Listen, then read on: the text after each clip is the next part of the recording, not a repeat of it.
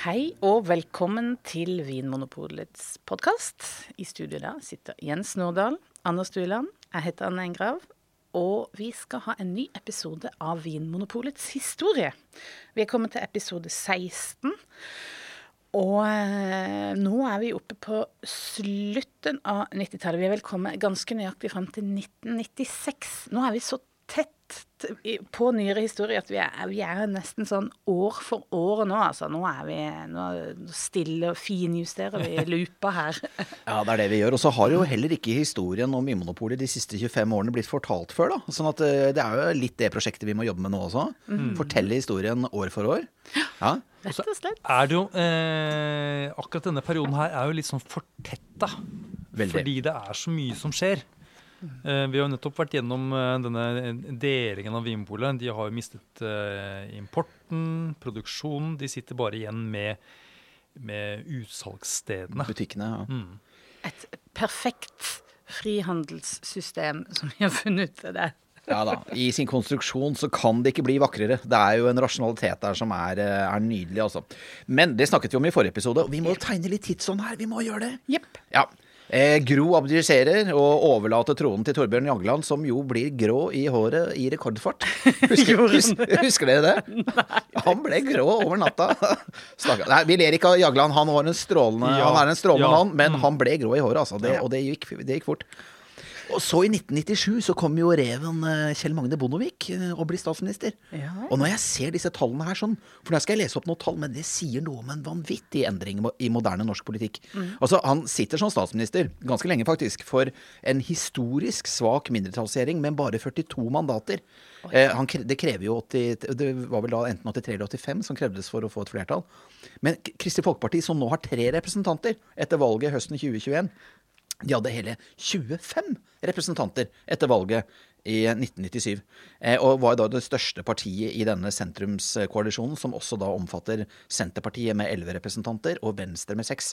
Så bare det at da KrF og Senterpartiet og Venstre regjerer sammen Det de som sitter i regjering, ja. Det er de som sitter i regjering med en parlamentarisk plattform med, med Høyre og Frp. Høyre og Frp ligger vel begge med rundt 25, og, og Bondevik-regjeringen trengte å støtte derfra. Og han blir sittende helt fram til mars 2000, og er til dags dato den eneste statsministeren som har gått på miljøsak. Han gikk på en energisak eller gasskraftsak. Eh, Hvilken, hvilket fortegn holdt jeg på å si? Nei han, nei, han, ville altså KrF var alltid mot gasskraft, og de har alltid vært et klimaparti. Eh, og KrF de, de, ble presset av, var det vel Arbeiderpartiet, Senterpartiet og Høyre, tror jeg. Her får noen partier ha meg unnskyldt hvis jeg husker feil, men de ble nok presset av de tre partiene, tror jeg. Eh, som ville ha en litt mer uh, rom, romslig, rom, romslige utslipp, for å si det sånn. Og det kunne ikke Bondevik leve med. Så han gikk vel på denne bensinsaken eller gasskraftsaken, eller hva, hva, de kalte den. da. Så han, han har sin miljøsamvittighet i behold, han altså. Godeste Bondevik. Det skal han ha. Han skal ha mye annet rart òg. Eh, men uh, en hyggelig fyr. Han, han bor på Kolbotn, det gjør jeg jo faktisk. Ah, ja. Så jeg ser han innimellom. Og han deltar i lokal valgkamp og sånne ting, og da går han blitt rundt og hilser på folk. Så han er ikke fin på det. Han deltar. Ja. Jeg er en trivelig type. Så jeg kan sende en varm hilsen til Bondevik her nå. Naboen? Nei, jeg tror ikke han vet hvem jeg er, men uh, han er en blid fyr i hvert fall. Og går og deler ut sukkertøy på Kolbotn torget når, når, når, det er valgkamp. det, det er blitt opplevd at man ikke skal ta imot det, men Nei, men Bondevik er så hyggelig, så det, er, eh, det tenker jeg det er, det er greit. det er greit. Men uansett, også, grunnen til at jeg leste opp disse tallene, forteller jo noe om et, eh, et, et samfunn som har forandret seg. Altså, KrF var en maktfaktor faktor så sent som i 96. Ja. Det er det ikke nå. Nå spår jo alle kommentatorene dem eh, på hodet ut av norsk politikk. Og de sitter altså med tre representanter. Bollestad, Ropstad og Ulstein. Flotte folk alle sammen, men eh, de, eh, de, er, de, har ikke mange igjen på, eh, på tinget. Det handler nok veldig mye om personligheter når man sitter i sånne ja, midtpartier. Ja. Så det blir spennende å se. Vi får, uh, vi får se om KrF er med oss i framtiden. Det, det, er ikke det vi skal snakke om i dag. Nei, vi, men vi skal, skal vi tegne litt mer tidsbilde? Vi, vi, har jo et par ting som ellers skjer her. Jeg tenker jo på det da. Altså, når jeg tenker på 90-tallet, så tenker jeg på Lady Diana. Er det kanskje verdens mest glamorøse person noensinne? Og hun hadde jo også, som Bondevik, da, et bankende hjerte for de svake.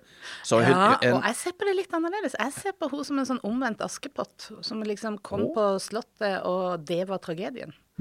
Ja. Det var dronning Elisabeth som var stemora i den historien der. Men, men vi har litt godt hjerte for Diana, har vi ikke det? da? Ja. Absolutt. Jeg kan anbefale forresten en annen podkast. You're Wrong About heter den. Ja. Den har en egen eh, serie om lady Diana.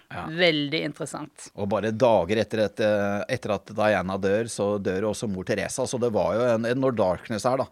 Det var mye godhet som forsvant ut av verden høsten Ja. 1997. Det er sant. Eh, Og internett er kommet for å bli. ja, faktisk Og Jeltsin, eh, Jeltsin, eh, presidenten i Russland, sjangler fortsatt rundt. Han, han blir jo nesten en synlig påminnelse om hvorfor vi trenger et vinmonopol, vet du. Eh, han, var jo, han var jo full på skjermen rett som det var, han. Det var jo trist å se. Jeg, Og var det ikke Lewinsky-saken som var i full sving også, i 97? jo da, det var vel eh, Bill Clinton, det. Og han satt da under ed, og jeg husker hvordan øynene hans bare skøyt opp i venstre billekant. Så det, kunne jo, det var ikke så vanskelig å se på han når han løy. oh, hvorfor I did not have, og så videre. Så han, var, han var en luring. Eh, Men jeg var svak for dem begge to, jeg, for så vidt. Men eh, Boris Jeltsin da, han var jo en synlig påminnelse, på- påminnelse om noe som jo var veldig tragisk, nemlig at russiske menn drakk seg i hjel i altfor stor grad på 90-tallet. Og så sent som på, på rundt år 2000 så var forventet levealder for russiske menn altså eh, rundt 57 år som et u-land. Russiske kvinner lever jo fint i, de er jo godt over 70 år, ikke sant. Så det var jo mennene som drakk seg i hjel, og det var jo masse reportasjer i avisen om og nesten den dag i dag, altså, hvor mennene var, eh, var- døde eh, 30-40 år før kvinnene, og, og eh, landsbyer helt uten eh, menn. Bare kvinner igjen. For, fordi det var vodkaen som tok dem, altså. Herregud. Dypt tragisk i et av våre naboland. Eh, og, og sikkert en historie som er kjent for våre lyttere, men i altfor liten grad. Og altså helt opp på presidentplass så var det et strukturelt problem på den tiden i Russland. Vi får sende en varm tanke til Jeltsin den dag i dag. Ja. Og uh, Anne Engrav var russ i 1996. Hallo! Husker hva, hva var liksom de kuleste russe... Det var ikke russelåter, men hva var liksom det Nei, men var sånn, tøffeste spillet? jeg var sånn antiruss. Jeg, jeg, jeg er ikke helt sikker. Vi spilte Bjørk og sånn. Vi var litt sånn, vi var litt sånn Det jo følsomme. Ja. kult. Bjørk og Radiohead og Ja. Det var litt sånn hipster-russ. Ja. Så hadde det vært mye tekno i årene før, da, hvis vi først er på musikkjøret. Men U2 og R.E.M. var vel litt sånn store band, men de, de begynte å bli litt sånn tunge i sessen, for å si det sånn. Det var liksom ikke så spennende lenger. ja. Og så var det sånn eh, engelske britpop-bølge. og- Mye. Oasis versus Blur og så videre. Det var pulp Ja. syns jeg var kul, da. Men vi skal ikke rote oss bort i dette. Nei? Og, Ja, ja, ellers så eh, vil jeg bare nevne det at eh, 1996 var jo det året jeg begynte eh, i Vinmonopolet. Oi, wow! Da ble jeg ansatt som, eh, som sommerhjelp, faktisk, på eh, i, utenfor Bergen, i Loddefjord. Gratulerer til Vinmonopolet Ja, med og, eh, smart ansettelse. og shout-out til eh, alle dere der ute i Loddefjord. Men Anders Ja. Sturland, det er jo ikke bare du som blir ansatt i Vinmonopolet i 1996. Det er jo også en annen smarting som gjør entré. det er jo det. Ja, det er Knut Grøholt, Ja. eh, den nye administrerende direktør. Siviløkonom og statsviter, utdannet både i Sveits, i St. Gallen og også i et annet utland. Var det borte i USA, uten at jeg helt vet det? Han kom jo fra byråkratiet, da. Var en vel... Han var jo en rev, altså. Han Ja. var jo en lur rev. Hadde vært i Kommunaldepartementet fra helt tilbake igjen fra 1973 til 1989. Og så vært eh, departementsråd, faktisk, eh, i Administrasjonsdepartementet fra 89 til 95. Så at han kunne byråkratiet på, på fingerspissene, definitivt. Men, møtte dere han noen gang? Altså, Ja, ja, og um, jeg hadde Jeg snakket veldig lite med han, men jeg hadde et veldig godt inntrykk av ham. Fordi Ja. Han Altså, eh, rett før eh, julaften så pleide han å komme ned i, i butikken. Å, gjorde han det? Og eh, gå rundt og si god jul og ta alle de ansatte i hånda. I alle butikker. Nei, ikke alle butikkene, men eh, i, altså, da jobbet jeg i Vika, Ja. som da var den nærmeste butikken. Ja. Så det gjorde han hver jul. Veldig, Sympatisk. Ja, veldig, han var veldig sympatisk. Altså, jeg ble faktisk ansatt av Gråt jeg, som rådgiver for han eh, på, på, i 98. Uh, så jeg har ennå ikke gjort min entré uh, her i 96. Men altså, jeg kjente jo Knut ganske godt, eller jobbet tett med han. Og jeg må si at jeg likte han veldig veldig godt. Så det kan jeg bare være helt åpen om. Så sånn sett er jeg vel ikke helt objektiv heller, da. Men eh, nei, jeg, han, han, eh, han er helt klart en av de mest talentfulle menneskene jeg har jobbet med noensinne. Han var en strateg, altså. Og veldig sympatisk. Veldig lett å ha med å gjøre. Eh, høyt under taket. Og kunstinteressert. Jeg husker at altså, Vi Ja, har fremdeles en del kunst som henger på veggene rundt her, som Ja, ja. ble kjøpt inn eh, i hans periode. Ja da, Veld, og, og veldig interessert i både kunst og litteratur. eh, betydelig kall det kulturell kapital, hvis vi skal jåle oss litt med det begrepet. Eh, han leste f.eks. dikt på juleavslutningene, eh, og da ikke på julebordet, altså, men på julegrøten eh, i, i dagslys klokken tolv.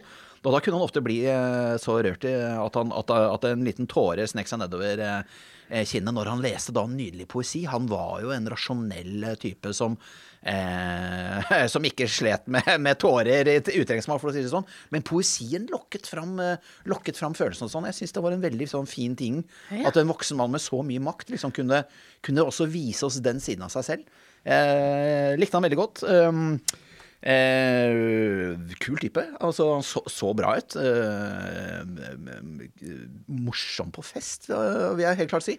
Han var, var ofte ganske sånn eh, han, han, han, var ganske slagferdig, og han var ikke noe redd for å ta rampelyset heller. Så han kunne, og jeg skal fortelle om det litt senere, jeg vet, jeg vet ikke om jeg rekker det i dag, men i hvert fall neste episode, hvordan han kunne liksom eh, ta ordet og være liksom stjerne på fest, også når vi var representerte polet sånn i, i, andre sammenhenger. Så han var, en, han var ikke en sånn fyr som satt stille. Eh, Eh, på bakerste rad, nei. Han var, han, han var, ekstrovert, men på en veldig behagelig måte. Ja. Han ser Du har jo tatt med et bilde. Jeg har ja, faktisk aldri sett bildet hans før. For jeg kom inn på et senere tidspunkt. Men han ser veldig lur ut. han, han ser, ser ut som han sitter og ruger på en hemmelighet. han har en plan, vet du. han har en plan. Han ser litt tøff ut òg, da? Gjør han ja, ikke det? Jo, absolutt. Og kanskje litt kamplysten, eller? Litt på hugget, ja. Det er noe med liksom ja. Er han sint, eller er han smart, eller er han ja, Er det liksom, Clint Eastwood, nesten? Også, ja. Han kunne ha vært litt sånn gunslinger-man. Altså, altså. Han kunne vært i en cowboyso-film. Ja, en sånn der, ikke sant? En sånn der med sånn spagetti-western. Ja, ja. Absolutt. jeg føler at han er liksom på nippet og så si en eller annen sånn lur kommentar. Ja. ja. Litt sånn skjevt smil her og litt sånn fast blikk mot fotografen. Ja, altså, Nykjemmet. Han har en sideskill. Ja. Det er kanskje det du sa at han hadde studert i USA. Han har en litt sånn litt amerikansk eh, herreklipp. Ja da, og Hvis han hadde vært et dyr, da? Hva slags eh, dyr hadde han vært da? Eh, han hadde nok vært et rovdyr av noe slag. Eh, ja, Kanskje en rev, eller? Altså. Kanskje en rev, ja. Ulv. Ulv, Husky. Oh, ja. Du tenker det, ja. ja. Jeg vet ikke. Altså, han, er, han, han, han, har Han er helt klart en Ørn, ørn kan være. Nei da, vi skal, ikke, vi skal ikke tegne et bilde av, av, en blodtørstig direktør her, på ingen måte. Men han er, en, han, er en, han er kampvillig, og han er smart. Han er strategisk. Ingen tvil om det. Eh, jeg, eh, må si, jeg jobbet jo tett med Knut i veldig mange år. Han brukte jo tvilens samme metode. Og jeg leste jo med stor interesse Jens Stoltenberg eh, sine memoarer etter at han var ferdig som statsminister. Boken til Stoltenberg heter jo Min historie. og det som var Stoltenbergs historie når han skulle fått en beslutning, var at han innhentet veldig masse informasjon fra veldig mange forskjellige mennesker. Og så gikk han og tvilte og ruga en liten stund. Og så endelig så satt beslutningen, så kunne han ta en god og veloverveid beslutning. Og grunnen til at jeg nevner Stoltenberg her nå, Eh, det er fordi at eh, det var sånn Knut eh, opererte også. Han var utrolig eh, søkende etter informasjon, og jeg husker jeg ble veldig positivt overrasket over det helt som nyansatt. Jeg kom jo rett fra Blindern som statsviter i 1998, og han var, altså Knut, da, var ekstremt interessert i å høre mine mer eller mindre sammenhengende resonnementer knytta til ting. Han, altså, han samlet ulike perspektiver. Hvordan tenkte unge folk, hvordan tenkte eldre folk, hvordan tenkte de som hadde vært i polet lenge, hvordan tenkte de som hadde vært i polet kort, hvordan tenkte menn og kvinner, altså hvordan tenkte Altså, han samlet inn informasjon, og han jaktet helt systematisk på ulike perspektiver for å kunne ta veloverveide beslutninger. Så jeg opplevde veldig veldig sterk grad at det var Grøds metode. Og jeg har ikke opplevd noen annen direktør jobbe så systematisk og være så intellektuelt nysgjerrig og så intellektuelt helt Og det var så innmari høyt under himmelen hans, og han var så interessert i hva andre folk uh, og jeg tenker at jeg skulle gjerne hatt den egenskapen selv. Jeg har sikkert ikke den egenskapen, men jeg har veldig lyst til å skryte av Knut for den måten han drev sjappa på. Han var ekstremt nysgjerrig på motforestillinger og forestillinger og vrangforestillinger og alle slags forestillinger i det, i det, i det generelle. Det virker som en mann som er trygg på seg selv. sånn at Han har ikke noe behov for å markere seg selv på den i tide og utide. Ja. Ja. Det, det, det, ja, det har du helt rett i. Han forhastet seg derfor aldri. ikke sant? Skjøt ikke fra hofta. Og, og effekten av det er at du unngår de store feilene, rett og slett. ikke sant? Mm. Han hadde ikke veldig mange altså Jeg kan ikke komme på noen feil han gjorde underveis. Han har sikkert gjort noe, han òg, eh, som på en måte han, han, har angret på, kjære vene. Men hva det skulle være, det vet jeg ikke. Og når det gjelder de store, viktige beslutningene altså vi skal jo, Det er det det skal handle om i denne episoden og også de neste episodene. Han skal jo klokke inn den ene seieren etter den andre, og det er derfor vi har han så høyt oppe. Kanskje også på førsteplass. ikke sant? Kanskje er han den viktigste personen, enkeltpersonen i Vimopols historie. Det er faktisk eh, selveste Grøholt som fyller spiller den rollen der, altså. Litt sånn gåsehudfornemmelser her, altså, Jens. Det er hyggelig å høre at du snakker om en uh, tidligere sjef på den måten? Ja, en, uh, han er helt klart kanskje den direktøren uh, i stort og smått jeg har lært mest av opp gjennom mitt yrkesliv. Kanskje også fordi jeg har møtt han tidlig i karrieren min, men uh, han var han slapp meg virkelig inn, og det gjaldt ikke bare om meg, da, men det var hans metode. Han tok jo med seg folk i beslutningsprosessen og gjorde en veldig god jobb. Han hadde et spennende nettverk. altså Han eh, opererte på et høyt nivå i samfunnet. Tormod Hermansen, Harald Norvik, eh, Egil Myklebust. altså Alt dette er jo store norske eh, bedriftsledere fra 90-tallet. Hermansen var jo liksom arkitekten bak Televerket, som jo ble til Telenor og gikk på børs. ikke sant? Eh, dette var jo hans gamle barndomsvenner, studievenner, hans nære venner. Eh, så Grøat var jo virkelig rett mann på rett plass. Og han viser seg jo som en eh, betydelig visjonær direktør, med både guts and balls, hvis det er lov å si, eh, på, på podkast. Han driver historien fremover og skriver seg som sagt inn i historien med, med gullskrift. Han gjør det, altså. Eh, han hadde jo litt å ta tak i, da. Han hadde det. han hadde det. Det var ikke så lett å det, det, var ikke et sånn eh, Hva skal vi si, han kom ikke til dekka bord. Nei, det var misnøye overalt. Både folkelig og politisk. Ja. Og du, husker, du som jobba i polet på den tiden, Anders, du husker vel hva folk sa? Ville de ha vin på polet, eller ville de ha vin et annet sted? Eh, ja, det var, eh, det var, ganske ofte at det kom frem at folk uh, tenkte at det var mye bedre å ha vin på, i butikk. Mm. Mm. Ja, det, ja. Altså dagligvarebutikken? Ja, eh, det var, ja, det var kanskje litt sånn Ja, det var nok en negativ holdning til Vinmonopolet. Uh, Når du fortalte at du hadde fått deg jobb på polet, da var det ikke sånn 'Å, så spennende'. Da var det sånn Æh. Nisselue-Norge. liksom. sånn. Ja, jo, vet du, det, det er faktisk sant. Og, jeg, og første, de første årene i Vimport også, så husker jeg at det, det skjedde stadig vekk at jeg, at, at jeg burde ikke parere, men i hvert fall tåle å få ganske sånn ram kritikk av enkelte kunder. Som, som, var misfornøyd med, med Vinpolet. Ja, vi lå langt ned på sånne kåringer. ikke sant? Vi var på 30.-40. plass. Ja. Uh, og politikerne ville jo også avvikle oss. Ja. ja, ja. Det var eh, en generell stemning for å Men altså, du som da var i førstelinja, du fikk motbør, altså? Eller du fikk pepper av kundene? Ja. Eh, både når det var eh, disk, men og kanskje i større grad når disken ble fjerna. Som kom enda tettere på kunden. Var det ubehagelig noen gang? Ja. ja. Men det var ikke sånn at folk ville gi deg bank, liksom? Nei, men eh, Nei, hvordan skal jeg forklare det? Altså, du, du, vil jo gjerne yte best mulig service. ikke sant? Det kommer eh, en kunde som ber om råd og, og, hjelp, og så tar man det på alvor. Mm. Men i løpet av den samtalen så, så snur det liksom til at, det, at man får høre det om ja. det som er galt. Ja. Eh, det, de gnei det inn, altså? Ja. Interessant. Nei, for det var jo det må, Ja, de må jo få lov til å Ja, ja, ja. Nei, vi skal tåle det. Ja. Men vi ble ansett for å være en anakronisme, også en tidsfeilslutning. Da er det på en måte noe som ikke hørte hjemme i det moderne forbrukersamfunnet. Ja. ikke sant? Så, og så husker jeg en annen ting som, var, som, skapte mye kritikk, og det var jo det var jo mye kø. Ja, ja, det skal vi komme tilbake til. Men la oss ta disse problemene da, som du nevner, Anne. De står jo i kø. Den står i kø. Problemene står i kø! Ja, det har jeg ikke tenkt på før, men eh, pling. Det har du helt rett i, Anders. Hva er problemet igjen, da? Skal vi begynne med det første? Ja, altså, eh, Sånn jeg har forstått det, som du for så vidt har nevnt en gang tidligere, ja. er jo det at det var veldig få butikker. Ja. Så det var lang, noen steder så var det langt til nærmeste vinpol. Ja da, og det, var, eh, det kunne være mange mil. Og det var, det var altså Nå har vi 339 butikker. Da var det 114 da, og da åpnet to i 1996. Det åpnet to i 1996, og det er altså 1996 vi befinner oss i nå. Så 114 butikker på landsbasis. Folk syns det var altfor dårlig. Første problem, eh, som de tar tak i senere. og Vi skal nevne mer om dette med butikker senere. altså. Ja, Så det er jo på langt nær én i hver kommune? Nei, nei, nei. Da hadde vi jo 400 og sikkert øh, Da var det sikkert 460 eller 70 kommuner i landet også, så det var veldig Og så var det mange butikker i Oslo, Bergen og Drammen og ikke sant, Fredrikstad, alle disse her. Stavanger. sånn at det, det, kan ikke ha vært øh, over 100 kommuner med pol da. Da har det sikkert vært nede i sånn 70-80 kommuner med pol. da. Så det er dårlig, dårlig tilgjengelighet, kjære venner. Og det var det virkelig. altså Gammelt og antikvert. Ingenting å lure på. Eh, problem nummer én, som de måtte fikse. Eh, problem nummer to disken. Ja, mm.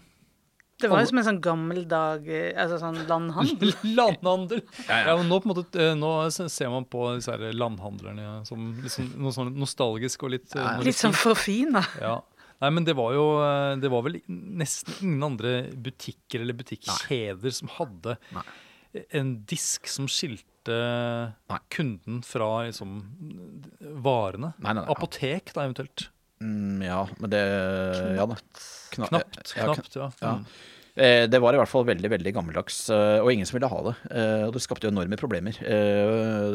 Så, så det, det provoserte jo folk. Altså Her kunne man gå fritt inn i sportsbutikker, blomsterbutikker, jernvarer, matbutikker. ikke sant? Det var jo selvbetjening i hver eneste bransje elektronikk osv. Vi kan ramse opp alle bransjer vi kan. ikke sant? Det var jo ingen andre som hadde diskbutikk annet enn polet.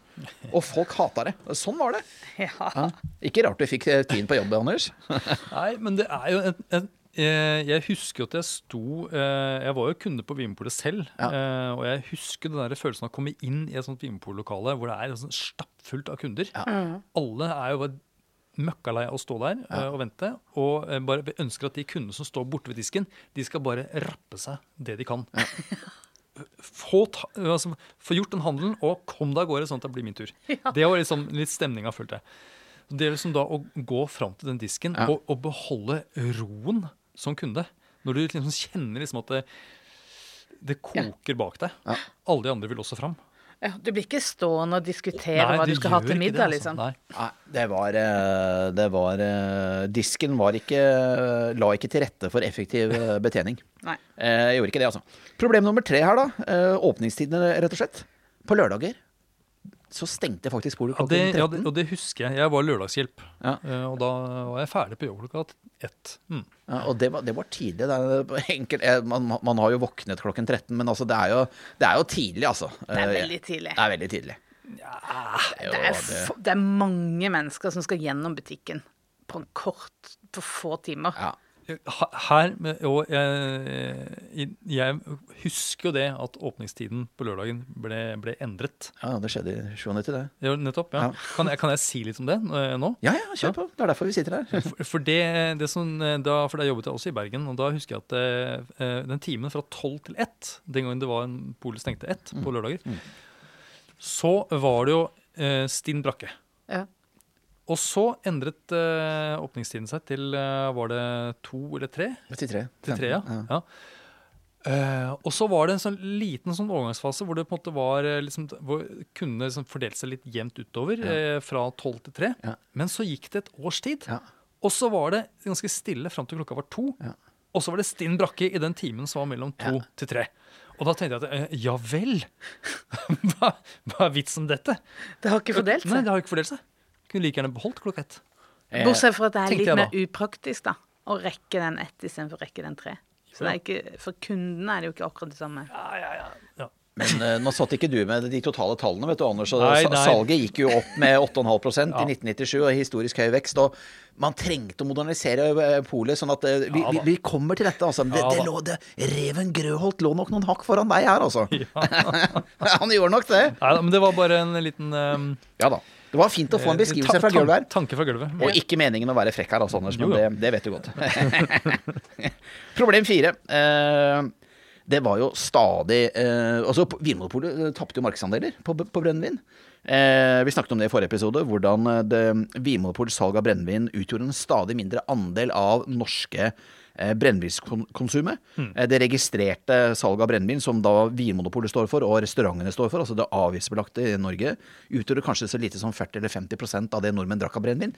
Resten kommer jo fra taxfree, grensehandel, spillsmugling og hjemmelaget, ikke sant? Ja. Ja. Og det er jo de to siste er jo det virkelig det, det, farligste. Ja, for det er jo illegalt. Og det er jo også potensielt sett eh, helseskadelig, selv i små mengder. Altså all, all, alt brennevin må man være forsiktig med, for å si det sånn. Jo da, men her ja. snakker man om at altså, er, du, er, du er, kan ikke være helt trygg på at uh, varen er Nei, og den kan, trygg, det, og den kan jo inneholde, slagstoffer og metanol i verste, ja. verste fall. Da kan man både dø og miste synet. Ja.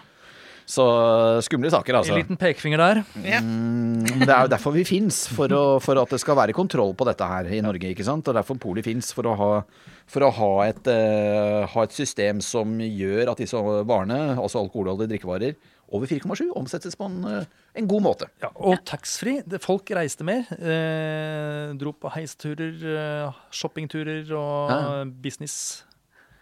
Ja, folk, ja det, det, økte det, vet du. Reise, reisevirksomheten og med det taxfree-salget og selvfølgelig også grensehandelen. Mm.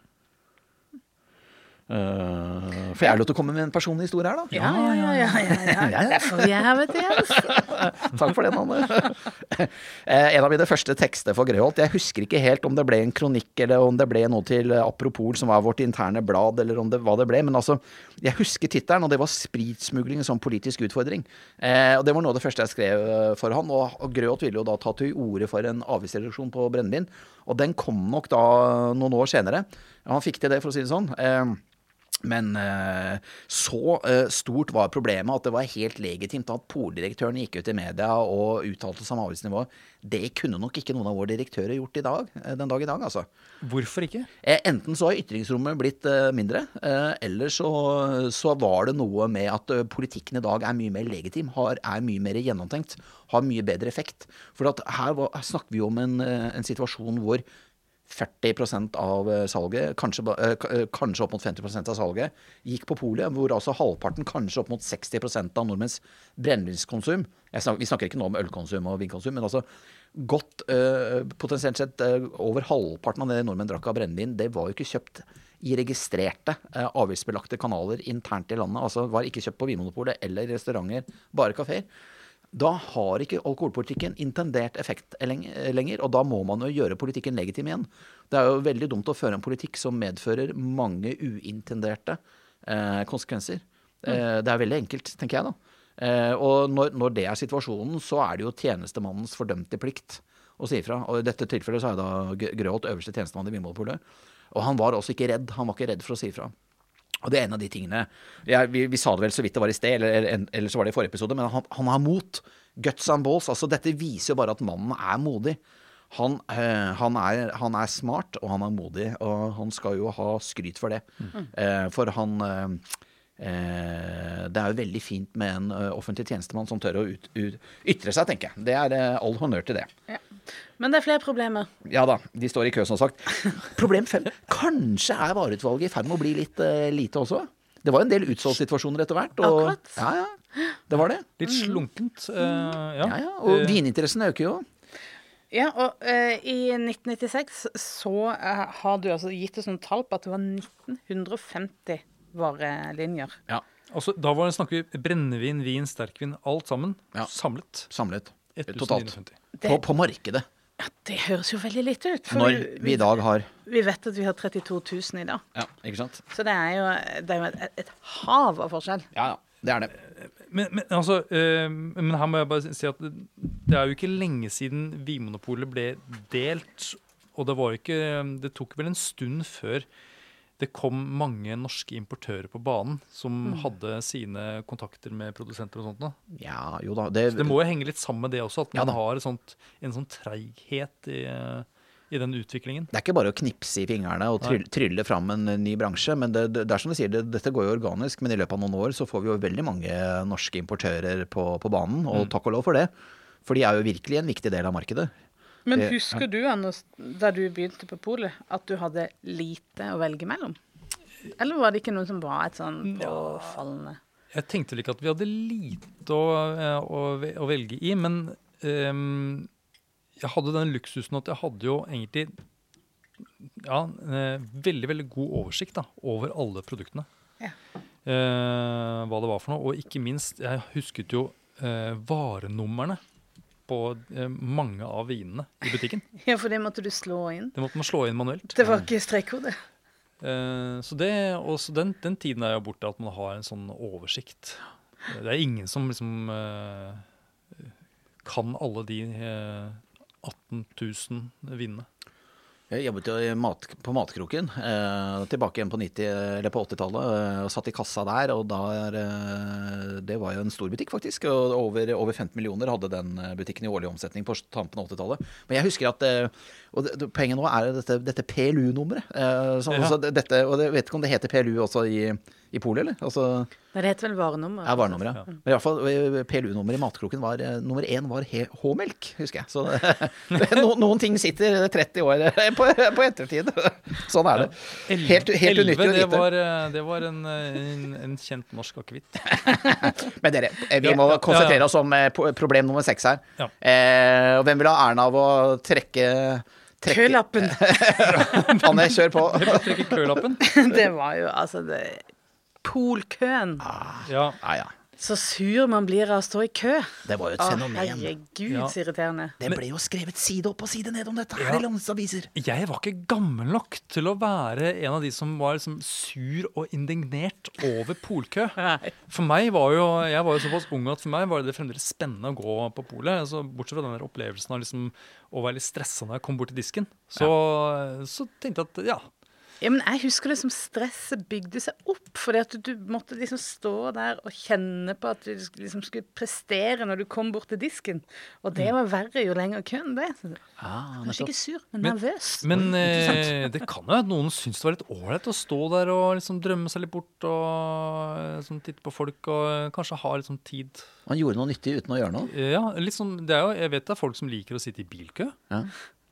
Men det kunne jo vare veldig lenge. Timevis. Ja, ja, Ja. På det verste, ja. Ja, Flere nei, nei, jeg skal ikke snakke ned det problemet. Det var klart Uh... Og det var særlig ille til helg og til høytid. Kjære vene. Hver, hver eneste jul, hver eneste påske, hver eneste langhelg, og kanskje nesten også hver eneste fredag, i hvert fall i enkelte butikker, så var det lang, lang kø. Man måtte legge dette inn i skjemaet, rett og slett. Ja, man måtte det. Eh, vi har nevnt det før, men vi nevner det igjen. Små gutter, eller tenåringsgutter, og sikkert også noen jenter, de så jo en mulighet til å tjene penger på dette her. De trakk kølapper og solgte dem, rett og slett. Det stemmer. Vet du, det, ja. Ja. Jeg husker selv at jeg gjorde det da jeg jobba i Klingeberggata i Oslo. Og så husker jeg Oslo City hadde det Vinmonopolets kø eh, Altså selve den der skjermen som viser hvilke kønummer som er midt i eh, selve rotunden, sånn at du kunne trekke kølapp. Så kunne du gå i butikkene og følge med på polkølapp. Du kunne, Uansett hvor du var i. Oslo City, så kunne du liksom se Det var Vinpols kølappsystem. Wow. På storskjerm i I midten. Nei, det var et kjempeproblem. Eh, det er klart at eh, Og jeg husker da jeg begynte i Poli i 1998, så fikk vi sånn presseklipp. Og da var det fortsatt sånn at eh, presseklippene de var fysiske, og vi fikk en bunke med papirer. Eh, og det kunne være hundrevis av oppslag i løpet av en dag, og nesten alle handlet jo om polkø. Så vi leste liksom om polkøen døgnet rundt. Ja. Eh, det, var det, folk, det var det avisene skrev om, det var det folk ville lese. De, folk var så rasende på dette. Det var jo et eget ord i ordboken som vi litt sånn på fleip har sagt at dette gir jo kanskje ikke mening for den oppvoksende slekt. I hvert fall ikke før nå koronakøene kom, da. Eh, koronakøene er jo egentlig over nå, men de var jo her da våren 2020, ikke sant, og våren 2021. Eh, men altså, polkøen var jo et, det er jo et, et substantiv, som det jo heter eh, hvis vi er opptatt av grammatikken, som jo fins jo som eget ord fortsatt i ordbøkene. Eh, vi, jeg, har vært så nerdete å gå inn her eh, på nett i Norsk Akademis ordbok, og der står det jo altså polkø. Kø av kunder foran vinmonopolutsalg, står det. Og så har de også med, med seg noen sitater fra, fra, fra litteraturen. Vi må bare lese opp det, da.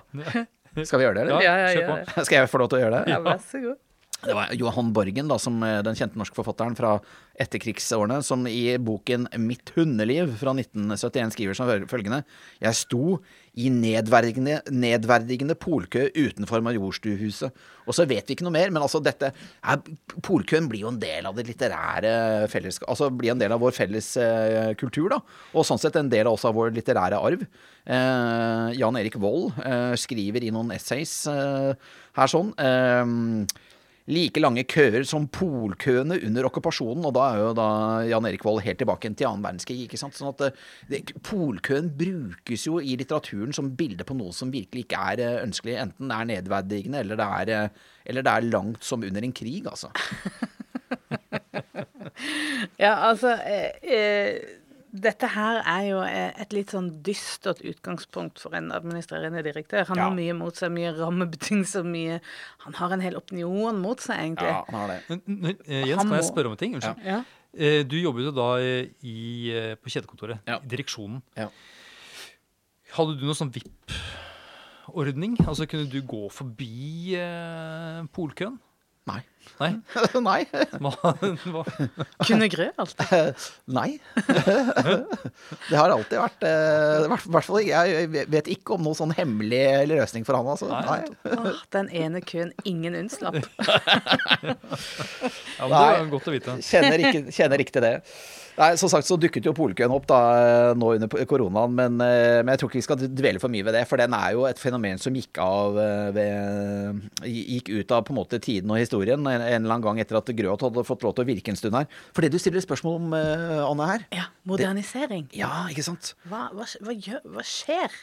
Heldigvis så ligger jo forholdene politisk til rette for en bred debatt om alkoholpolitikk i Norge da på, på tampen av Eller på midten av 90-tallet.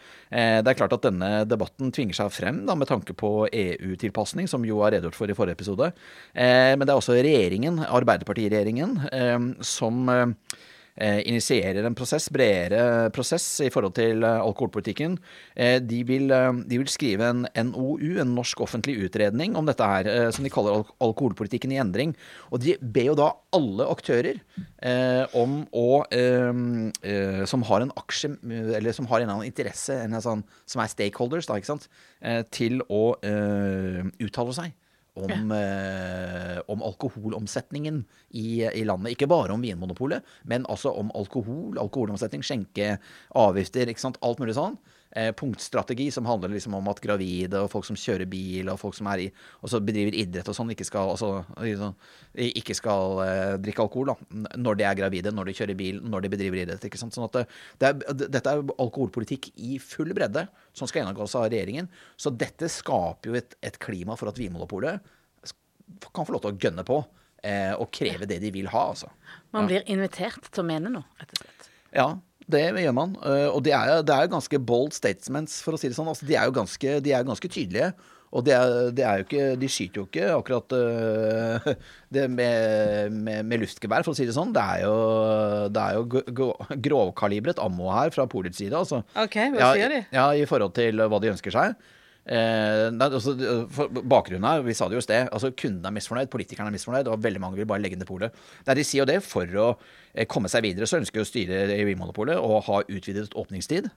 Eh, de ønsker å få flere pol, og de ønsker et forsøk med en eh, selvbetjeningsordning. At polet skal bli selvbetjent. Jeg, jeg skjønner jo det, for da får du flere folk gjennom butikken. Mindre ansamlinger. Altså dette er jo egentlig for å bli kvitt polkøen. Ja. Ja, Først og fremst. Ja da. Eh, vi skal komme tilbake til hvorfor de mente dette her senere. Altså, eller litt mer om hvordan de har tenkt i forhold til dette her. Men altså, eh, de, eh, de, de, var ikke helt enige innad styret da, om, om selvbetjening. De var, ikke, de var, ikke, det. Noen sa nei. Eh, og de var jo redd for økt konsum. Ja. Eh, de var også eh, redd for at sikkerheten for de ansatte skulle bli svekket. Litt sånn som du nevnte i sted, Anders. For, Ja. for du sa at du fikk jo sure kunder midt i fleisen, ikke sant? Så Ja. de var redd for at den barrieren som tross alt disken representerte, at sikkerheten skulle bli dårlig for våre ansatte. At, at, at de da kunne møte sure og kanskje i verste fall voldelige kunder. Eh, og så var de også redd for at servicen skulle bli dårligere. Med, med selvbetjening. Med selvbetjening, for at da møter du ikke kunden lenger sånn, ansikt til ansikt. Så det var begrunnelsen for Men allikevel, et flertall i styret ville jo stilt seg bak dette her. De gjorde det. Eh, og, altså selvbetjening. Forsøk med selvbetjening. De gjorde det. Regjeringen, eh, ba- bare for å slippe den eh, kaninen ut av eh, sekken, eh, eller katta ut av sekken allerede nå eh, Regjeringen støtter jo Vimopols styre på åpningstider og etablering av inntil 59 pol, eh, men de sier jo nei til forslaget om selvbetjening. Eh, det ønsker de ikke på det daværende tidspunkt. Og så, vet, vet, så vet vi jo alle, alle lyttere i Norge nå vet jo at vi har selvbetjente pol, så noe har jo skjedd, da. Men, eh, og vi fortelle, denne historien skal vi- vi fortelle i neste episode. Men eh, i hvert fall på dette tidspunkt så sier regjeringen nei til selvbetjening. De gjør det. Akkurat. Og dette var i 1995. Dette var i 1990 Ja, dette var på begynnelsen av 1996, faktisk. Ja. For Grø, Grøholt er jo Eller ja, unnskyld, du, du har helt rett. Dette styret Eller nei, jeg, har vært, jeg har faktisk vært nede i arkivet og sjekka dette her. Ja. Eh, og dette er noe av det første Grøholt gjør. Eh, så vi er nå i mars Vi er faktisk Mars 1996 er vi. Eh, det er i eh, mars 1996 at Vimopols styre sier eh, disse tre tingene med utvidet åpningstid, nye pol og, og forsøk med selvbetjening. Alt sammen i regi av Grøholt.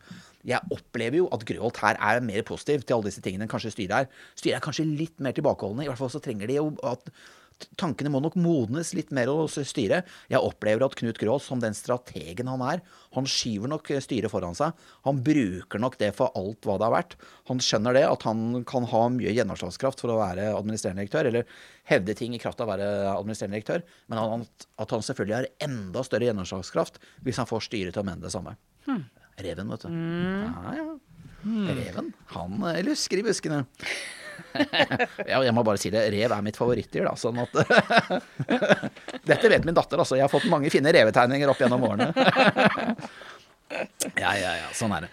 Yes. Eh, bra. Eh, altså, dette Vi må dele litt med hvorfor eh, nye Pol eh, var helt nødvendig. Vi må mm. det. Er dere ikke enig? Jo, jeg er helt enig. Jo, jo, ja, ja. Selv om jeg, jeg, tenker jo at det, at det, er en sånn logikk i det. At det er for få pol. Mm. Det er altfor langt mellom butikker. Men nå, nå, tenker jeg på med nåtidas øyne, men det, det var kanskje ikke så tydelig da. Regjeringen er jo enig, eh, og da skal det jo da er det sånn for uh, Hvis vi ikke vi husker helt feil her, så er det nå kanskje for første gang at en kvinne sånn for, på ordentlig skriver seg inn i historien som en av de store strategene som driver historien fremover.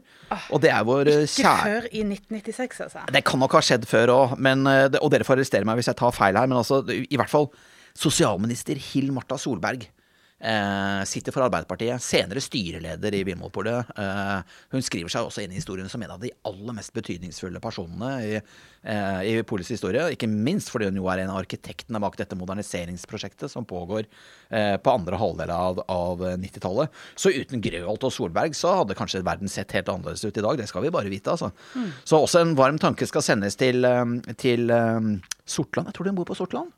Uh, ja, Kim Martha. Veldig hyggelig dame, så det må jeg bare si. Uh, så hun gjorde en strålende jobb også som eh, styreleder hos oss noen år senere. Men i hvert fall på det, det nåværende tidspunkt i historien, i 1996, så er jo Solberg sosialminister. Hun er jo veldig usikker på om det er politisk flertall for å uh, si ja til denne nye planen. for Polet har jo en plan, et ønske om å åpne 50 butikker i løpet av fem år egentlig. Og shit, og det er en Og da har vi allerede 114. 114. Så du skal nesten da øke med 50% ikke sant? 45 mm. eller et eller annet sånt noe. Mm. Eh, og, man, og, det skal skje en periode på, på fem år. Ti nye pol, maks i år, ikke sant. Uh, og vet dere hva reven Solberg For hun er også en rev. vet dere hva reven Sånn reveflokk? reveflokk. Jeg er veldig svak for rever. Kanskje jeg burde sagt gaupe, da. Vet dere hva, vet dere hva gaupen Solberg sier for noe? Nei. vet dere hva hun gjør? Nei. Nei hun, hun, hun, skjønner jo at dette her kan medføre politisk eh, brudulje, og bare vedta dette her sånn. Så de lekker jo helt bevisst nyheten til landets største avis. Aha. Om at nå skal det bli flere vinmonopol? Aftenposten får nyheten. Eh, og dette er jo big news back then, for å si det sånn. Eh, virkelig, altså. Sånn at Aftenposten skriver jo da at eh, regjeringen, den daværende regjering, har planer om å støtte Vinmonopolet. Eh, og Vinmonopolet styrer i planene om eh, å bygge 50 nye butikker i løpet av fem år. Eh, og så sitter jo da, så vidt jeg har forstått, sitter jo Solberg og forventer pepper. og forventer misnøye. Altså, Men, hun skal bare, hun skal bare liksom eh, lodde stemninga? Det er det hun skal gjøre. Hun bare lodder stemningen. Eh, men det er ingen som eh, fremmer noe voldsomt med motforestillinger. Eh, og det viser kanskje egentlig også hvor gærent det sto til med polet på, på 90-tallet. Folk hadde jo ikke noe tro på at polet skulle overleve eh, fremover. Jeg husker selv da jeg ble ansatt i 98, så sa jo folk det at eh, Polet eksisterer kanskje om fem år, men ikke om ti. Da har det røket. Eh, da har liberaliseringen gått så langt, og markedskreftene har fått råd så lenge at eh, de, vi finnes ikke om ti år. Så det var ing og det, nå refererer jeg til direktører, ikke Grøholt, men til andre direktører som satt i Vimopols ledergruppe. Eh, og sa dette. Og det, og det var ikke noe illojalt å si det. Det var bare en, på en måte en vurdering, en analytisk vurdering av framtida. Var, og ledende norske alkoholforskere trodde ikke at polet skulle eksistere. Men eh, Hill Marte hadde trodd på Det var derfor hun gjorde det. Så hun er jo en redningskvinne. Hun er jo historiens store redningskvinne. Og dette her med å få på plass nye butikker eh, i et antall av ti i året var helt avgjørende for å berge Vinmonopolet. Så her er det jo et samarbeid, Grøholt-Solberg, eh, på en eller annen måte, hvor de da muddling through, altså hvor de liksom føler seg litt fram, da. Og hvor de får det til. Ja, for de skjønner at det, dette må til, sannsynligvis, hvis polet skal bestå, kanskje? ja da. Eh, Nå er det nerden i meg som har tatt med seg noen lister her i studio. Men altså, får jeg lov til å lese opp de kommunene på A og B eh, som hadde pol i 1997? Bare, Ja, kommuneliste! det er bare ni da i tallet. Men altså, det var eh, Hvor hadde polet butikk i 1997? Som begynner på A og B. Ja, kommuner i landet. Alta, Arendal, Asker, Askim, Bergen, Bodø, Brekstad, Brønnøysund og Bærum. Ferdig snakka. Brekkestad, hvor er det? Brekkestad? Eh, nei, Breks, Brekstad. Brekstad. Det er på Fosenhalvøya. Det er altså Ørland, der, der militærbasen er uh, utafor Trondheim. Ja, så du vet de- det. de Ja, er ja, selvsagt. Jeg kan fortelle. Det er nabokommunen til Bjugn. Okay. ja, ja. Så, Du har, har ikke vært på Fosenhalvøya, altså? oh, han er kommet inn i kommune. kommunehjørnet. Og jeg nevner i rask rekkefølge Rissa og eh, Leksvik, som nå er blitt til Indre Fosen. Og, og Åfjord ligger ytterst der. Og, Nei, vent litt, Det er nå spør vi litt her. Eh, det var da i 1997. Ja, da var det. Eh, og så da de kommunene, 24 i tallet, som nå har, eh, har pol eh, i A og B, da, bare for å ta det. Bare de som begynner på A og B. Ja, eh, Alta. Så har vi fått Alver kommune. Det er en ny sammenslåing altså nord for Bergen, men det er jo da Knarvik og Radøy. Du behøver ikke gå i Nei da. detalj. det er Da, Andenes, den er ny siden, siden 1997. Arendal, Asker. Men så kommer det en lang rekke med nye steder. ikke sant? Askvoll, Askøy, Austevoll, Bagn, Bardufoss, Beitostølen. Og så har vi Bergen, da. Men Bjørkelagen, Bjørnafjorden, som er Os, da, der hvor den ligger. Bodø, Brokelandsheia, Bruhagen, Bryne, Brønnøysund, Bærum, Bø i Telemark, Bø i Vesterålen, Oi. Bømlo, Båtsfjord. Og da er vi gjennom lista. Anne. Ja, det var mye lengre liste. Det var det som var hele poenget. Ja. Men det var veldig få pol. Til, og det, bare i byene. Ikke sant? Bare i store byer og små byer og mellomstore byer. Det var det som var hele poenget med å lese disse listene, da. Du sitter nå og ler så, så du griner. Er det? Jeg bare syns det er så fint at du har et hjerte som banker så hardt Ja, ja, for, ja. for kommuner. det er historien om landet vårt, eh, og som har så mye mangfold, og det er så mye spennende kultur. Ja. Eh, Og uansett hvor du reiser i landet, så møter man fantastiske mennesker som tror på prosjektet sitt. Ja. Og de er så opptatt av å forme framtida si. Ja. Eh, og det er eh, fortsatt islett av så mye spennende kultur rundt omkring i landet. Eh, og jeg tror mange nordmenn har blitt eh, observant på det under, under koronaen. Også at vi har glemt litt å reise i eget land. Men at vi nå ser hvor vakkert det er. Og, og, og en ting er at det er vakkert, men menneskene er vakre, og kulturen er vakker. Maten er god. Kjære vene, hurra for Norge, sier jeg. uten, å bli, Men altså, uh, uten å bli helt nisse her. Har dere lagt merke til at uh, i nesten enhver liten småby i Norge så er det en kinarestaurant? Ja, ja. Å, men Ja. det er en del av mangfoldet, det. Ja, Fantastisk. Ja, jeg mener ikke som kritikk. Nei, men eh, eh, men eh, det er nesten, jeg har nesten tenkt på det som en sånn eh, målestokk. Er det kinarestaurant? Eh, ja, Ja. Da, er det, da er det en liten småby. Ja, ja. Mm. da er vi oppe på det nivået, liksom. Eh, så det jeg lurer på, Hvor ligger Vinmonopolet i forhold til kinarestauranter? Jeg tror Kina-restaurantnettverket er, eller restaurantene er bedre utbygd enn vårt butikknett. altså. Ja, Vi leser vært, alle de på A og B. nei, men det hadde vært interessant om du kunne utarbeidet en form for graf hvor vi ser på en måte når kommer dette krysningspunktet eh, mellom Kina-restauranter. kinarestauranter og vinmonopolbutikker. Det er utrolig interessant. Ja, det dette, er, dette er verdt en kronikk, altså. Mm. Hvor vi får den på trykk, er litt usikker, men det er helt klart verdt en kronikk. Vinbladet, kanskje. Eh, jeg har bare noen tall i hodet nå som jeg bare må si. Men altså, vi, Ja. har i dag, eh, vi har i dag butikk i kommuner som representerer 94,8% av Norges befolkning. Jeg bare nevner det, altså. Mm. Og 97,8% av Norges befolkning bor kortere enn tre millioner av nærmeste pol. Så vi har ganske god tilgjengelighet nå. Vi skal ikke snakke ned butikknettet vårt. Det skal vi all mulig grunn til å være stolte av. Og det er et robust butikknett som tåler trøkk, altså. Ja, for Så- jeg, jeg tror at, vi er, eh, at vi har passert kinarestaurant. Hva, du tror det? Ja, ja. Interessant. Ja, jeg tror det. Kanskje du skal forske litt på dette? Men virkeligheten var en helt annen, altså. Ja, ja, ja. I 96. Ja, det var det virkelig. Eh, og Vi, eh, vi må tilbake til han Grøholt. Ja, vi må det, Reven. For det, Reven. For han gjennomfører Selve. Selveste sjefsreven. Nå skal vi ikke gå Det nærmer seg helg, men vi skal ikke bli helt tullete i hodet her, nei. Nei. Um, han gjennomfører en kundeundersøkelse. Han gjør det. Uh, og det er ganske smart. Eh, for han, da skjønner han jo hvor skoen trykker. Enkelt og greit. Men, men altså, kundeundersøkelser, var det ingen som holdt på med det i polet før? Jo, men ikke så mye. Og jeg tror vel at de gutta som hadde kommet inn med litt sånn markedstankegang, eller moderne bedriftstankegang, for å kalle det sånn, de ble jo nesten genierklært, de der gutta på begynnelsen av 80-tallet som da hadde for første gang i polets historie gjennomført en markedsundersøkelse. Man hadde spurt kundene. Og så blir jo dette markedsperspektivet, det å lytte til kundene, som jo handler om legitimitet, om po politikkens eh, eh, har oppslutning, rett og slett, da. Eh, det, det, er det jo Joyce som tar til fingre, som på en måte videreforedler ikke sant, på slutten av 80-tallet og begynnelsen av 90-tallet.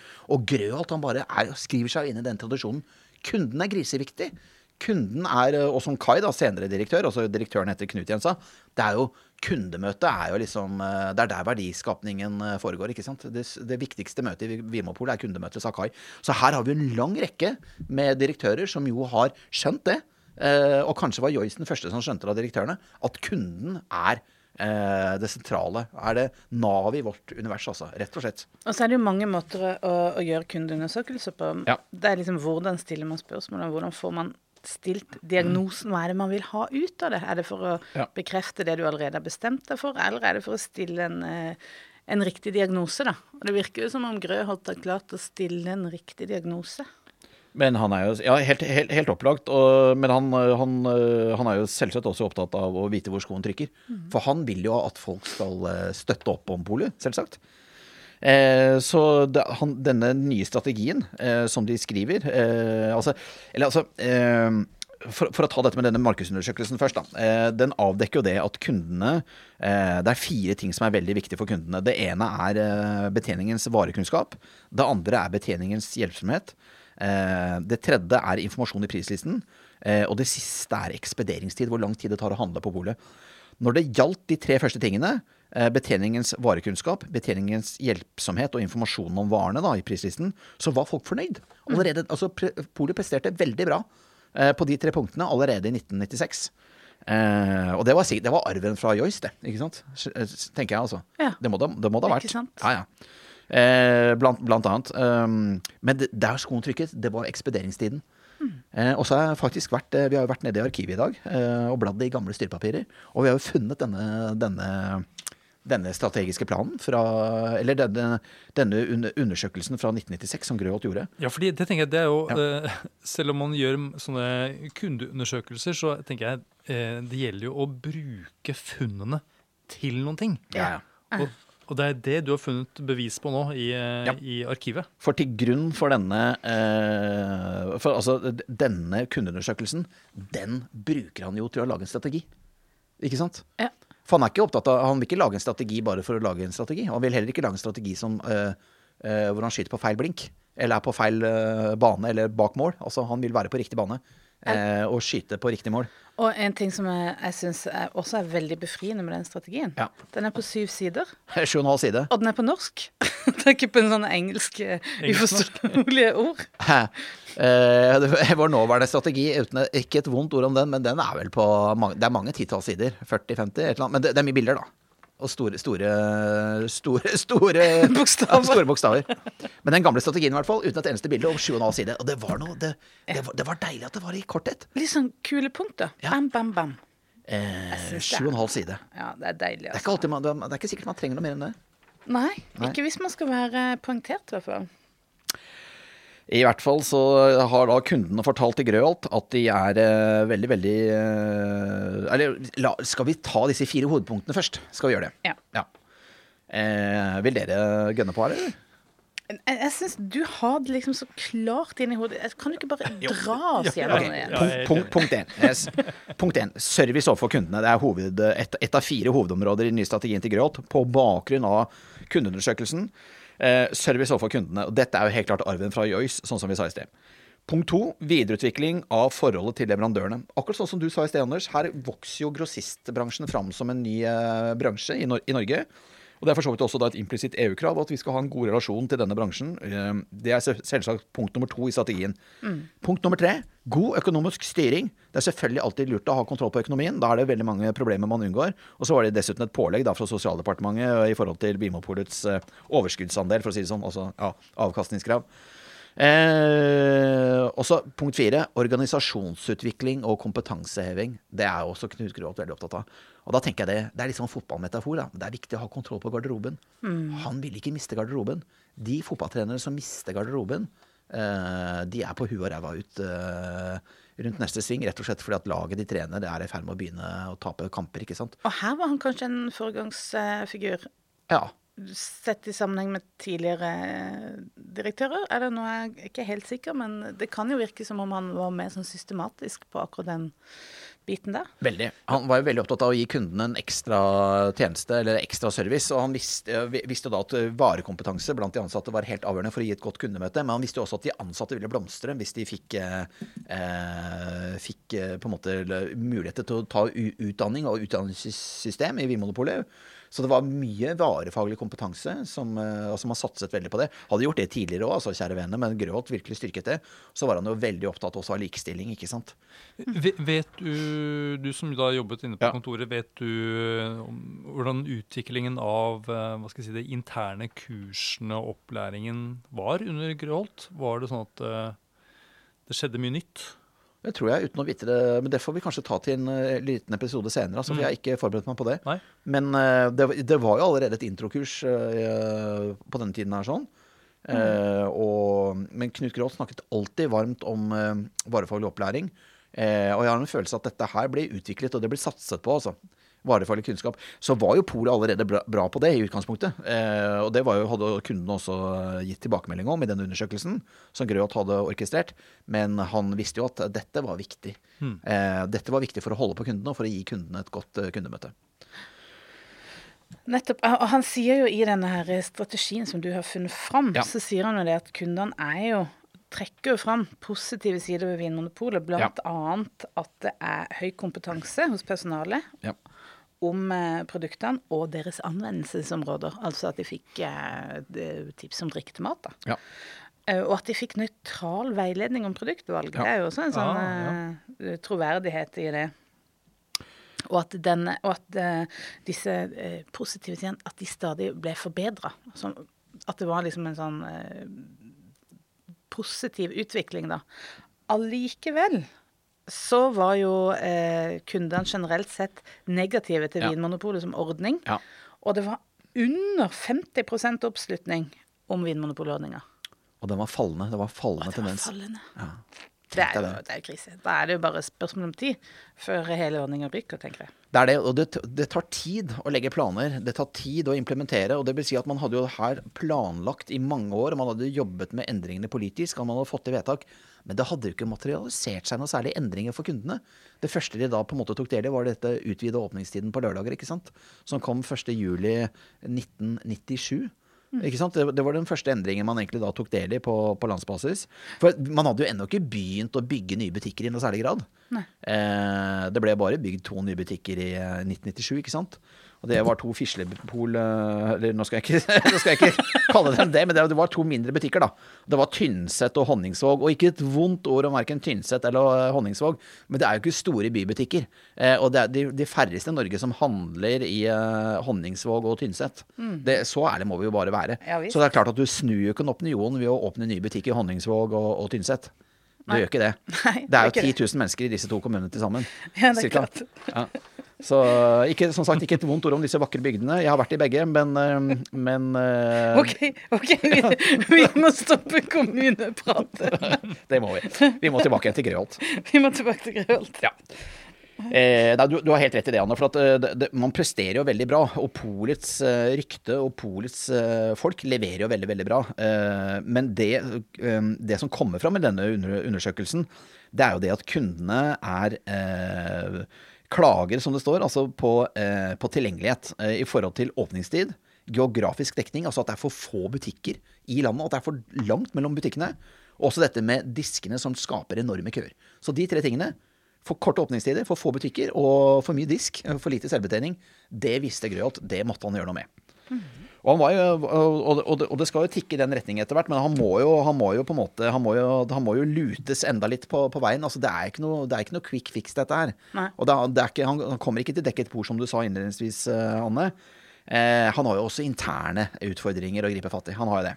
Ja, og Hva var det største problemet som lå der og venta når han kom inn i 96? Nei, det gamle polet var jo akkurat smadret. Gamle kollegaer hadde jo vinket farvel til hverandre. Mange bånd ble brutt. Eh, det sosiale knaket litt i sammenføyningene. Mange var triste og lei seg for at de hadde mistet en gammel kollega som ble oppe på Hasle. Sånn at eh, den gamle bedriften var jo delt. Og du som begynte i Polet i 96, Anders. jeg vet ikke, ble, eh, Nå sa, ja. var jo du i en butikk ute i Bergen, da, men var, var, dette, var, var, dette noe du, var dette noe du uh, greide å på en måte å fornemme der du sto og solgte uh, ja, vin på lørdager i Løddefjord? Ja. eh, pol på vestkanten, som det het. Um, ja, nettopp.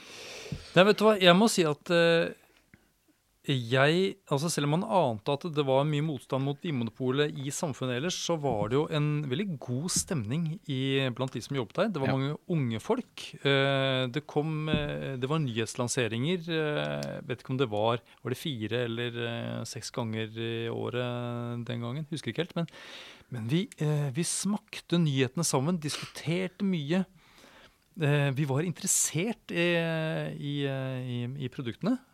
Og det var liksom en sånn, generelt en, sånn der, en positiv eh, drivkraft, ja. vil jeg si. Ja. Mm. Så det var ikke noe som, denne delingen var ikke noe som eh, på en måte butikkene tok så stor del i, kanskje? Nei, Nei. egentlig ikke. Jeg, det var nesten sånn at det var eh, At det ga litt sånn energi. At det kom litt nye ja. ting, nye produkter inn. Ja, ja. Kult. Nettopp. Ja, for, for, det er jo det, denne, denne delingen på 90-tallet og hele gjenfødelsen av Vinmonopolet, det, det har jo revitalisert selskapet. og det er jo det er jo takket være den EU-kverna vi var gjennom på 90-tallet at det, det, har blitt så bra som det har blitt. altså. Så vi sitter jo ikke her og Det er jo ingen som er lei seg for det som skjedde den dag i dag. Men at det har vært tøft da det sto på, er utvilsomt. Men vi må jo snakke litt om kvinnen nå, da, Anne. Ja, siden jeg er kvinne, mener du? Nei, ja, eller altså, ja, men altså det, vi er jo alle interessert i at det skal være likestilling. Eh, og sånn var det jo ikke da Grøholt begynte i polet. Nei. Nei. Det var ikke det, altså. Ja, for du har jo også sagt eh, eh, i en tidligere episode at, ja. at, det ikke var noen kvinnelige lederstillinger da du begynte i 98. Nei, det var ikke det. Det var kun menn, og alle i dress, og alle over 50 år. Eh, nå har jeg selv blitt en mann over 50 år, men jeg går ikke i dress, da. Men, nei, nei, det var bare Det var, det var veldig ens eh, monokulturelt, for å bruke det begrepet. Mm. Ingen kvinner i verken lederstillinger eller eh, mellomlederstillinger. Det hadde jo vært noen få kvinner i lederstillinger før, men de, hadde, de var jo ute av bedriften igjen, altså i, i polet. Det var jo som å gå inn i en tidskapsel. Det var jo veldig likt Mad Men. Eh, den, eh, den amerikanske dramaserien, for å kalle det det. Men det har vært en rivende utvikling i årene etter dette. Og Grøholt var jo veldig interessert i å få kvinnene inn i mellomlederstillinger og lederstillinger. Og ganske raskt så var det jo to kvinnelige direktører av var det sju, da? Altså totalt i ledergruppen. Og det ble jo et vell av kvinner ansatt i mellomlederstillinger, og ikke minst som butikksjefer. Men hvordan blir det tatt imot, da? Ja, selvfølgelig sånn, sånn som jeg hører og bør. Nei, det var jo, det var jo, en, det var en, det var en, utvikling alle ønsket. Og, også mennene, selvsagt. Mm. Nei, altså det, det, Jeg oppfattet i hvert fall ikke at det var noe kontroversielt rundt det. Nei. Nei. Uh, tiden var overmoden, kanskje? Tiden var overmoden. Og jeg, som sagt, jeg ble sjokkert over å gå inn i et kulturelt landskap fra 50-tallet og 60-tallet. Jeg hadde kun lest om de samfunnsfagsbøkene på, på Valle videregående, der hvor jeg gikk. og, og, og, og, var sjokkert over at, uh, over at landet faktisk så ut sånn i 1998. Det var som å gå inn i noe gammelt. Men altså, kultur eh, spiser strategi til frokost, som det heter. Kultur overlever enkeltmenneskene. Kultur er seiglivet, eh, seiglivede greier, altså. Så at en gammel kultur kan henge lenge igjen, det er det ikke noe å lure på. I hvert fall, vi har nå kommet fram til sommeren eh, 1997. Eh, og vi nevnte det i sted. Eh, den første virkningen for folk flest av moderniseringen eh, av polet eh, blir synlig. Man kan selv føle det på kroppen. Du sa det så vakkert i sted, Anders, med at da kundetoppen på lørdager nå ikke var klokken rett før ett, men plutselig så ble den mer etter hvert rett før tre. Som følge av at åpningstidene blir utvidet på lørdager. da. Mm. Og dette var selvfølgelig noe som medførte salgsøkning for Vinmonopolet. 8,5% Jeg har bladd litt i gamle årsmeldinger og ser jo det at man er forsiktig med å si at utvidet åpningstider medfører økt salg. Eh, man bortforklarer nesten eh, denne økningen i salget med en vridning fra brennevin til vin. Det var jo helt sant det at det var mindre brennevin og mer vin. Eh, men så må man huske på, jeg tror ikke man skal være så redd for å snakke om at Vinmopolet selger mer, så lenge ikke det betyr et økt konsum. For det kan jo faktisk hende at eh, Vinmopolet, når man gjør Når man, eh, når man eh, øker åpningstidene på, eh, på Vinmonopolet, at man da gjør det mindre attraktivt å brenne selv, kjøpe smuglersprit, kjøpe taxfree og grensehandel. ikke sant? Så det, det, er jo på ingen måte gitt at alkoholkonsumet øker, selv om Vinmonopolet selger mer. Det er veldig viktig å ha klart for seg. Men kan Jeg spørre, om, jeg husker ikke helt, men når var det ølsalget stengte? I, butikk, I dagligåret? Det var også ett. Var det klokka ett? Også? Nei. Var det så tidlig? Nei, men det var, det var bestemte Hver kommune kunne bestemme. Ja, selvfølgelig. For vi kunne kjøre til Søgne. Der var det tre. Men i Kristiansand var det Ja, for jeg lurer på om, om det kan ha hatt noe å si på denne, denne veksten til Vinpolet eh, etter at de utvida åpningstiden. At uh, altså, Hvis folk kom for seint, da, Ja. til, uh, altså kom etter klokka ett, Ja. så gikk de å kjøpe øl istedenfor Ja. i dagligvare. Så øl, ølsalget skal nok ha gått ned, i hvert fall på lørdager. helt klart. Ja. Og i Bærum hvor jeg kom fra, så var det ølsalg til klokken seks, mener jeg, på lørdager på på slutten av 80-tallet. Ja, ja. Så seint. Ja, jeg tror det. Men, mener det. Jeg jobbet jo i dagligvarebutikk på den tida, så jeg mener ganske bestemt at vi solgte øl hele dagen, altså. Ah, nei, det kom sånn, eh, sånn teppe over ølutvalget, husker jeg. Og da var det stengt. Det var, Yes, ja, men, nei, eh, det var men- uansett et veldig viktig grep, og, og det var på plass. Og moderniseringen hadde begynt, da. Eh, og godt var det. Eh, eh, ja. Skal vi, skal vi si at vi, vi kommer tilbake til mer? Er det, skal, eller skal vi ta en avsluttende poeng før, eh, før vi går videre med Grøholt? Ja, det er vel på tide å sette strek for eh, i dag. Eh, eh, moderniseringen er så vidt i gang. Eh, og eh, det er jo noen rettssaker som heldigvis går polets vei, da, som vi kan snakke mer om neste gang. Ja, skal vi ikke gjøre det? Ta det til neste gang? Jo. For dette, nå, nå føler jeg at vi har, vi har kommet i gang. Jul har begynt å rulle. Vi Ja. har fått avdekka problemer og, og skjønner at det er en eh, riktig mann på riktig sted. Riktig mann på riktig sted. Grøholt, eh, Grøholt har fått lov til å luske i, i skogbrynet et par år.